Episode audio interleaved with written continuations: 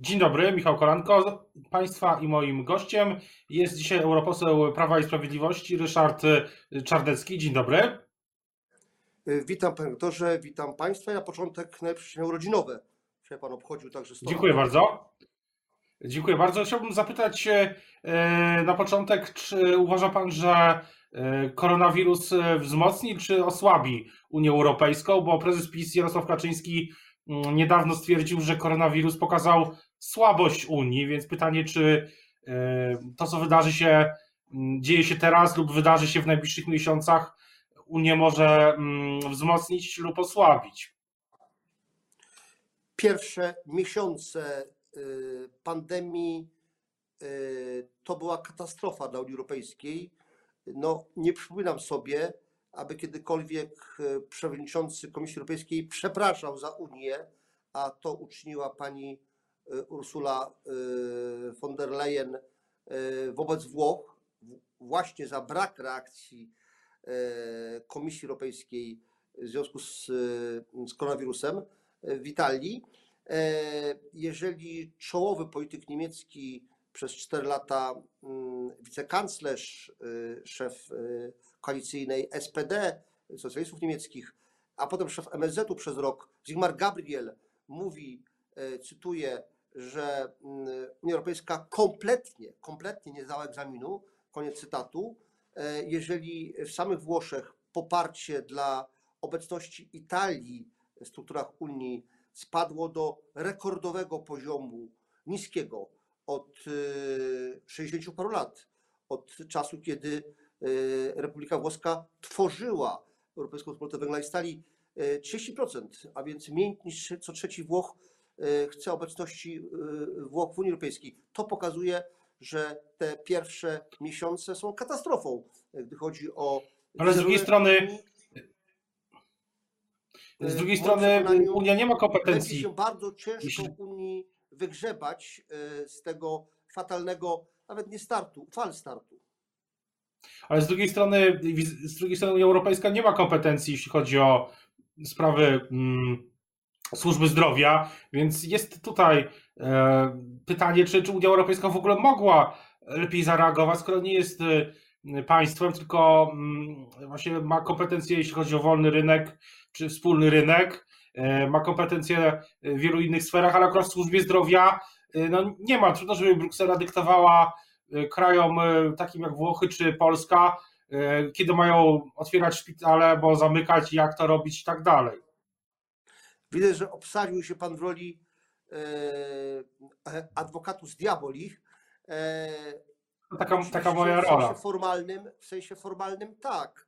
Natomiast jeżeli ta sama Unia Europejska przez lata e, ewidentnie poza traktatami, obchodząc traktaty, naginając je, wchodzi w kompetencje państw członkowskich Unii Europejskiej, gdy chodzi o kwestie wymiaru sprawiedliwości, chociażby w przypadku Polski, e, i przypisuje sobie kompetencje, których nie ma e, i ingeruje właśnie w, sferę pozatraktatową, wewnętrzne sprawy członkowskie krajów członkowskich, no to potem nie dziwmy się, że od tej samej Unii Europejskiej wymaga się, skoro w takich obszarach y, jak y, wymiar sprawiedliwości, praworządność Unia Europejska interweniuje, to czemu umywa ręce jak Poncjusz Piłat, jak struś chowa głowę w piasek, kiedy zaczyna się pandemia. Zresztą możemy tutaj cytować unijnych przywódców, którzy w ostatnich e, kilkunastu latach, w ostatniej dekadzie szczególnie, mówili o, uwaga, europejskiej solidarności. Deklamowali. Ten slogan był bardzo popularny. Przychodzi co do czego? Unia Europejska jest bezradna, gdy Niemcy czy Francja nie przepuszczają a, mm, transportów e, z e, środkami medycznymi dla Republiki Włoskiej. Dopiero awantura i e, przeciek we francuskim Le Figaro e, na ten temat powoduje, że transporty zostają odblokowane po wielu tygodniach. Ale z, drugiej, z drugiej strony teraz e, głównym też, czy głównym, czy jednym z głównych tematów staje się gospodarka. Po tym jak w wielu krajach, tak jak dzisiaj premier Morawiecki ma zapowiedzieć pewne poluzowanie tego rygoru, tych obostrzeń, które zostały wprowadzone, No jest pytanie w takim razie, skoro teraz w grę wchodzi gospodarka, to czego pan, albo czego pan się spodziewa, jeśli chodzi o samą Unię? Czym, jak na przykład zmieni się unijny budżet, którym tyle jest dyskusji przez ostatnie wydarzenia? Dobrze pan o tym powiedział. Zwracam uwagę znów na jakąś dramatyczną niezborność przywódców unijnych w tym zakresie. Z jednej strony pani przewodnicząca von der Leyen mówi słusznie i Polska ją popiera. Mówi o planie Marszala. Ba, napisała o tym w waszej gazecie w Rzeczpospolitej w zeszły wtorek, dobrze pamiętam, bo ona miała taki artykuł u góry strony, a ja u dołu. Zapamiętałem. Mówi o planie Marszala i bardzo dobrze. A natomiast w tym samym czasie jeden z jej zastępców, high representative, wysoki przedstawiciel do spraw polityki zagranicznej i bezpieczeństwa, czyli szef unijnej dyplomacji, były szef Europarlamentu, doskonale mi znany, Borrell, Hiszpan Katalończyk, mówi nie, plan Marszala dla Europy nie, dla Afryki. Afryka jest potrzebująca. No jeżeli dwóch głównych polityków rozgrywających w Unii ma w tej sprawie, w sprawie fundamentalnej, w sprawie tego, co zrobić z gospodarką europejską, z projektem planu Marszala, nowego planu Marszala dla Europy, ma dramatycznie rozbieżne zdania, no to co, co z tym fantem zrobić? Oczywiście to się zdarzało. Pamiętam, jak komisarz do spraw energetyki Łotysz Pibalks chciał Nord Streamu, a na szczęście wtedy portugalski przewodniczący Komisji Europejskiej był premier Portugalii zresztą, uważał, że jest to, że jest to projekt zły, tak jak myśmy. No ale z drugiej strony też. Mówię o tak Barozie. e, doskonale- Ale e, reasumując. Ale tylko jedna rzecz. e, Jedna rzecz, ale jedna rzecz, bo ale tak jak pan wie, doskonale w Unii Europejskiej nic nigdy na początek nie jest tak, że żaden, temat na początek nie był wspólny i zawsze te trudne tematy, takie jak yy, by ucierały się przez czasami wiele lat w jakimś kompromisie. Więc ja myślę, że to, że teraz jest taka różnica zdań, no to yy, a, aż tak źle Unii nie wróży. E, Wie pan, kiedy mamy sytuację chyba największego wyzwania, największego dramatu w jakimś sensie e, w Europie od czasu II wojny światowej i ten dramat zapewne potrwa miesiące. Wielka Brytania przewiduje, że koronawirus e, zostanie oparowany dopiero wiosną przyszłego roku. Amerykanie mówią o e, roku 2022. E, mm, e, Słyszymy, że nawet przysz, przyszłoroczne, a nie tegoroczne Mistrzostwa Europy w piłce nożnej mogą być bez publiczności, bo tak zaleca Światowa Organizacja Zdrowia, WHO. W tej sytuacji ludzie, podatnicy, wyborcy w krajach członkowskich Unii Europejskiej wymagają od Unii jednolitego przekazu, pewnej e, zbornej koncepcji. Jeżeli w sprawach fundamentalnych typu a, e, plan e, Marszala, e, przewodniczący Komisji Europejskiej ma zdanie nie trochę inne, nie, nie mówi e, o e, skali, nie mówi o tym, jakie kraje bardziej, czy nasz region, czy Europa e, Południowa, tylko mówi plan Marszala dla Europy, a jej e, zastępca mówi, nie, nie, plan, plan Marszala dobry, ale dla krajów Afryki, no to jest różnica fundamentalna i nie tego oczekują e, Europejczycy. A co z tym, co z unijnym budżetem? Yy, Zmieni się przez koronawirusa? Mm, No, pytanie, y, jak będzie to procedować. y, Jest to w tej chwili rzecz bardzo utrudniona. Y, Niektórzy mówią wręcz o y, pójściu w kierunku prowizoriów budżetowych y, co rok y, odnawianych. Mm, No, były bardzo takie optymistyczne zapowiedzi, żeby y, ten budżet przyjąć w czasie prezydencji y, Chorwacji w Unii Europejskiej, a więc do końca czerwca tego roku. To kompletnie nierealne już wtedy, kiedy o tym mówiono. E, Przyjmiemy go zapewne już za prezydencji Niemiec, y, która rozpoczyna się 1 lipca y, tego roku. Zapewne będzie to jesień, a raczej późna jesień. E, y, Cóż, no, w tej sytuacji na pewno kształt tego budżetu może być y, trochę inny, no bo mamy sytuację pandemii, mamy sytuację wychodzenia z tej potencjalnej zapaści gospodarczej. No, w związku z tym, siłą rzeczy, e, e, niektóre działki budżetowe mogą wyglądać inaczej. Mam wrażenie, że na przykład, no, gdyby o to zap- za- zapytano o zdanie, to mam wrażenie, że na przykład lepiej przeznaczać środki na uruchomienie, ożywienie, pobudzenie gospodarki w poszczególnych krajach e, niż na mm, imigrantów. A z drugiej strony jest jeszcze kwestia tego nowego zielonego e, ładu. I to wid- widzę na przykład, że koalicjant Prawa i Sprawiedliwości, czyli Solidarna Polska, postuluje na przykład, aby e, dokonać dużych zmian, czy zawiesić, jeśli się nawet nie mylę, e, europejski mechanizm e, handlu uprawnień emisjami CO2. Myśli pan, że Unia jest gotowa na takie, na takie dramatyczne zmiany? E, Nie dalej jak wczoraj po południu e, miałem długą telekonferencję w ramach e, grupy ECR, e, Europejskich Konserwatystów i Reformatorów i była tam wypowiedź, uwaga, Bułgara, a nie Polaka, e, który no niesłychanie ostro zaatakował ten New Green Deal, nowy zielony mm, ład. To budzi kontrowersje. To budzi kontrowersje zwłaszcza w krajach naszego regionu, zwłaszcza w krajach mniej zamożnych. Polska, przypomnę, rozwijamy się dynamicznie.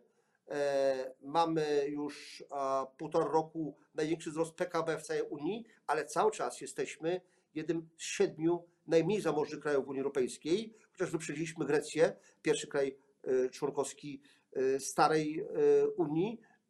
Mamy większy PKB per capita na mieszkańca niż oni.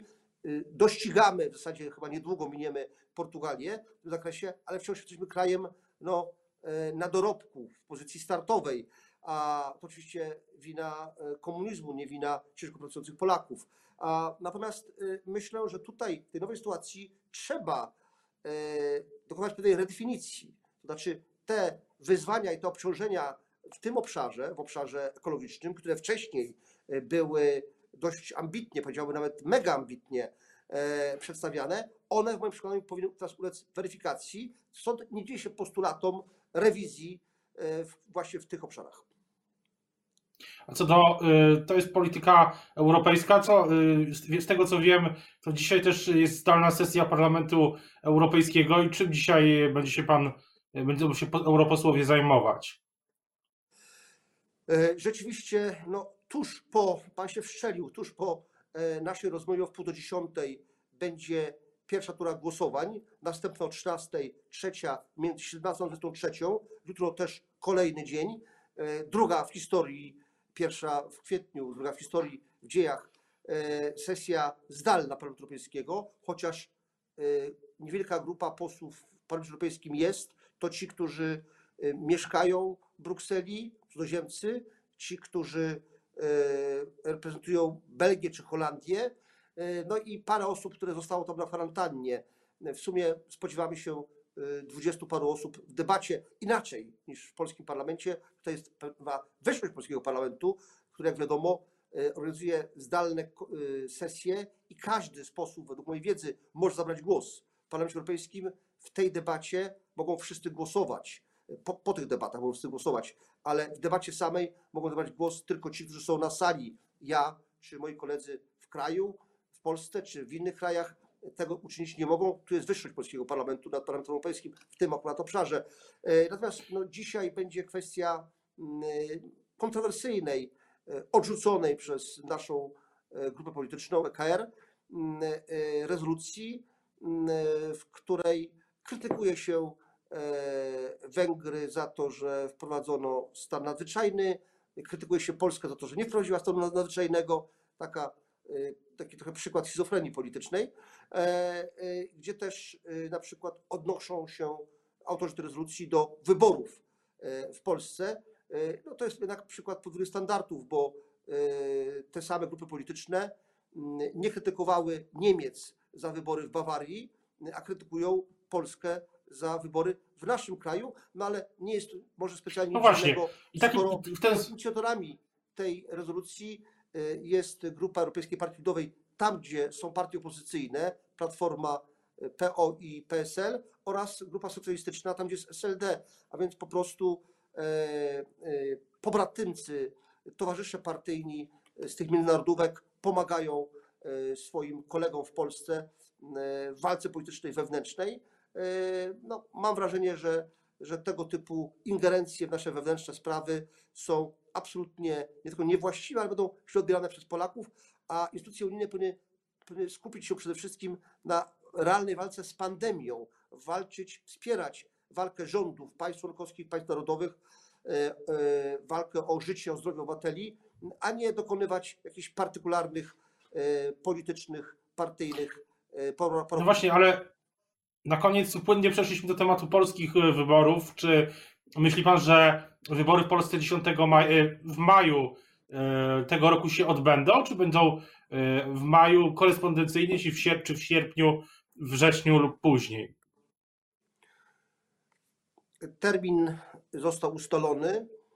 Jestem przekonany, że zgodnie z wolą ustawodawcy, no, zgodnie z konstytucją, uwaga, to mówię do tych, którzy mają pełne usta konstytucji, którzy skandują konstytucja, konstytucja, te wybory będą się w maju e, i uważam, e, patrząc na to w wymiarze międzynarodowym, że byłoby złym sygnałem o sprawności polskiego państwa, e, złym sygnałem na arenie międzynarodowej właśnie, gdyby Polska w przeciwieństwie do Niemiec, do Szwajcarii, do Korei Południowej e, z tych wyborów zrezygnowała. Skoro w innych krajach w pandemii wybory się odbywają, e, nie ma żadnego powodu, aby Polska na zewnątrz pokazywała słabość, niezdolność, e, niesprawność organizacyjną, administracyjną, żeby te wybory przeprowadzić, skoro w innych krajach one były. Ale z drugiej strony te wybory, e, no, jest masa pytań, o których też pisaliśmy w Rzeczpospolitej, jak mają się, e, ma ma zostać przeprowadzone i pytań technicznych, logistycznych, e, prawnych.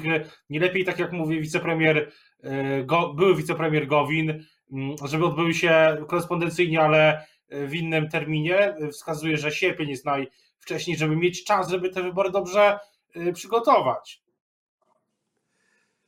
E, Ja tylko przypomnę, to są konkrety, może szczegóły, ale, ale, ale niesłychanie ważne, że myśmy byli gotowi poprzeć wniosek przełożenia wyborów aż o dwa lata e, e, i wtedy e, uznania, że przedłużamy kadencję panu prezydentowi, doktorowi Andrzejowi Dudzie, ale mm, żeby miał 7 lat, tak jak kiedyś było we Francji, już nie jest, ale byłaby to jedyna jego kadencja. Według mojej wiedzy pan prezydent Andrzej Duda również się na to mm, e, zgadzał, tyle że opozycja tego nie chciała. Także na waszych łamach, panie redaktorze, wasz redaktor naczelny, pan Bogusław Hrabota, zaproponował, aby wybory odłożyć o rok. W, w myśl tej koncepcji e, pan prezydent Andrzej Duda mógłby stanąć za rok e, do wyborów ponownie, a więc teoretycznie mógłby mieć w sumie dwie kadencje 11 lat. Z tego co słyszałem, część opozycji, na przykład PSL, była skłonna to poprzeć. E, My również bardzo poważnie to rozważaliśmy, no ale był tutaj opór e, PO, głównej partii opozycyjnej. Problem z opozycją, czy też jej dużej, dużą częścią opozycji, polega na tym, że wybory za dwa lata e, to im nie pasuje. Wybory za rok to im nie pasuje. Wybory w maju to im też nie pasuje. Przecież to naprawdę na miłość boską nie jest tak, że e, e, będziemy losować termin wyborów w Polsce. czy Ale z drugiej strony przekładać op- na świętego nigdy. Ale też y, no jest opozycja niejako w ramach koalicji Zjednoczonej Prawicy, no bo wicepremier Gowin, yy, były wicepremier Gowin ma tutaj swoje zdanie i wydaje się, że yy, zapowiada nawet, że będzie poważna rozmowa, chce odbyć poważną rozmowę z panem prezesem Kaczyńskim. Życzę powodzenia. Koalicja się trzyma.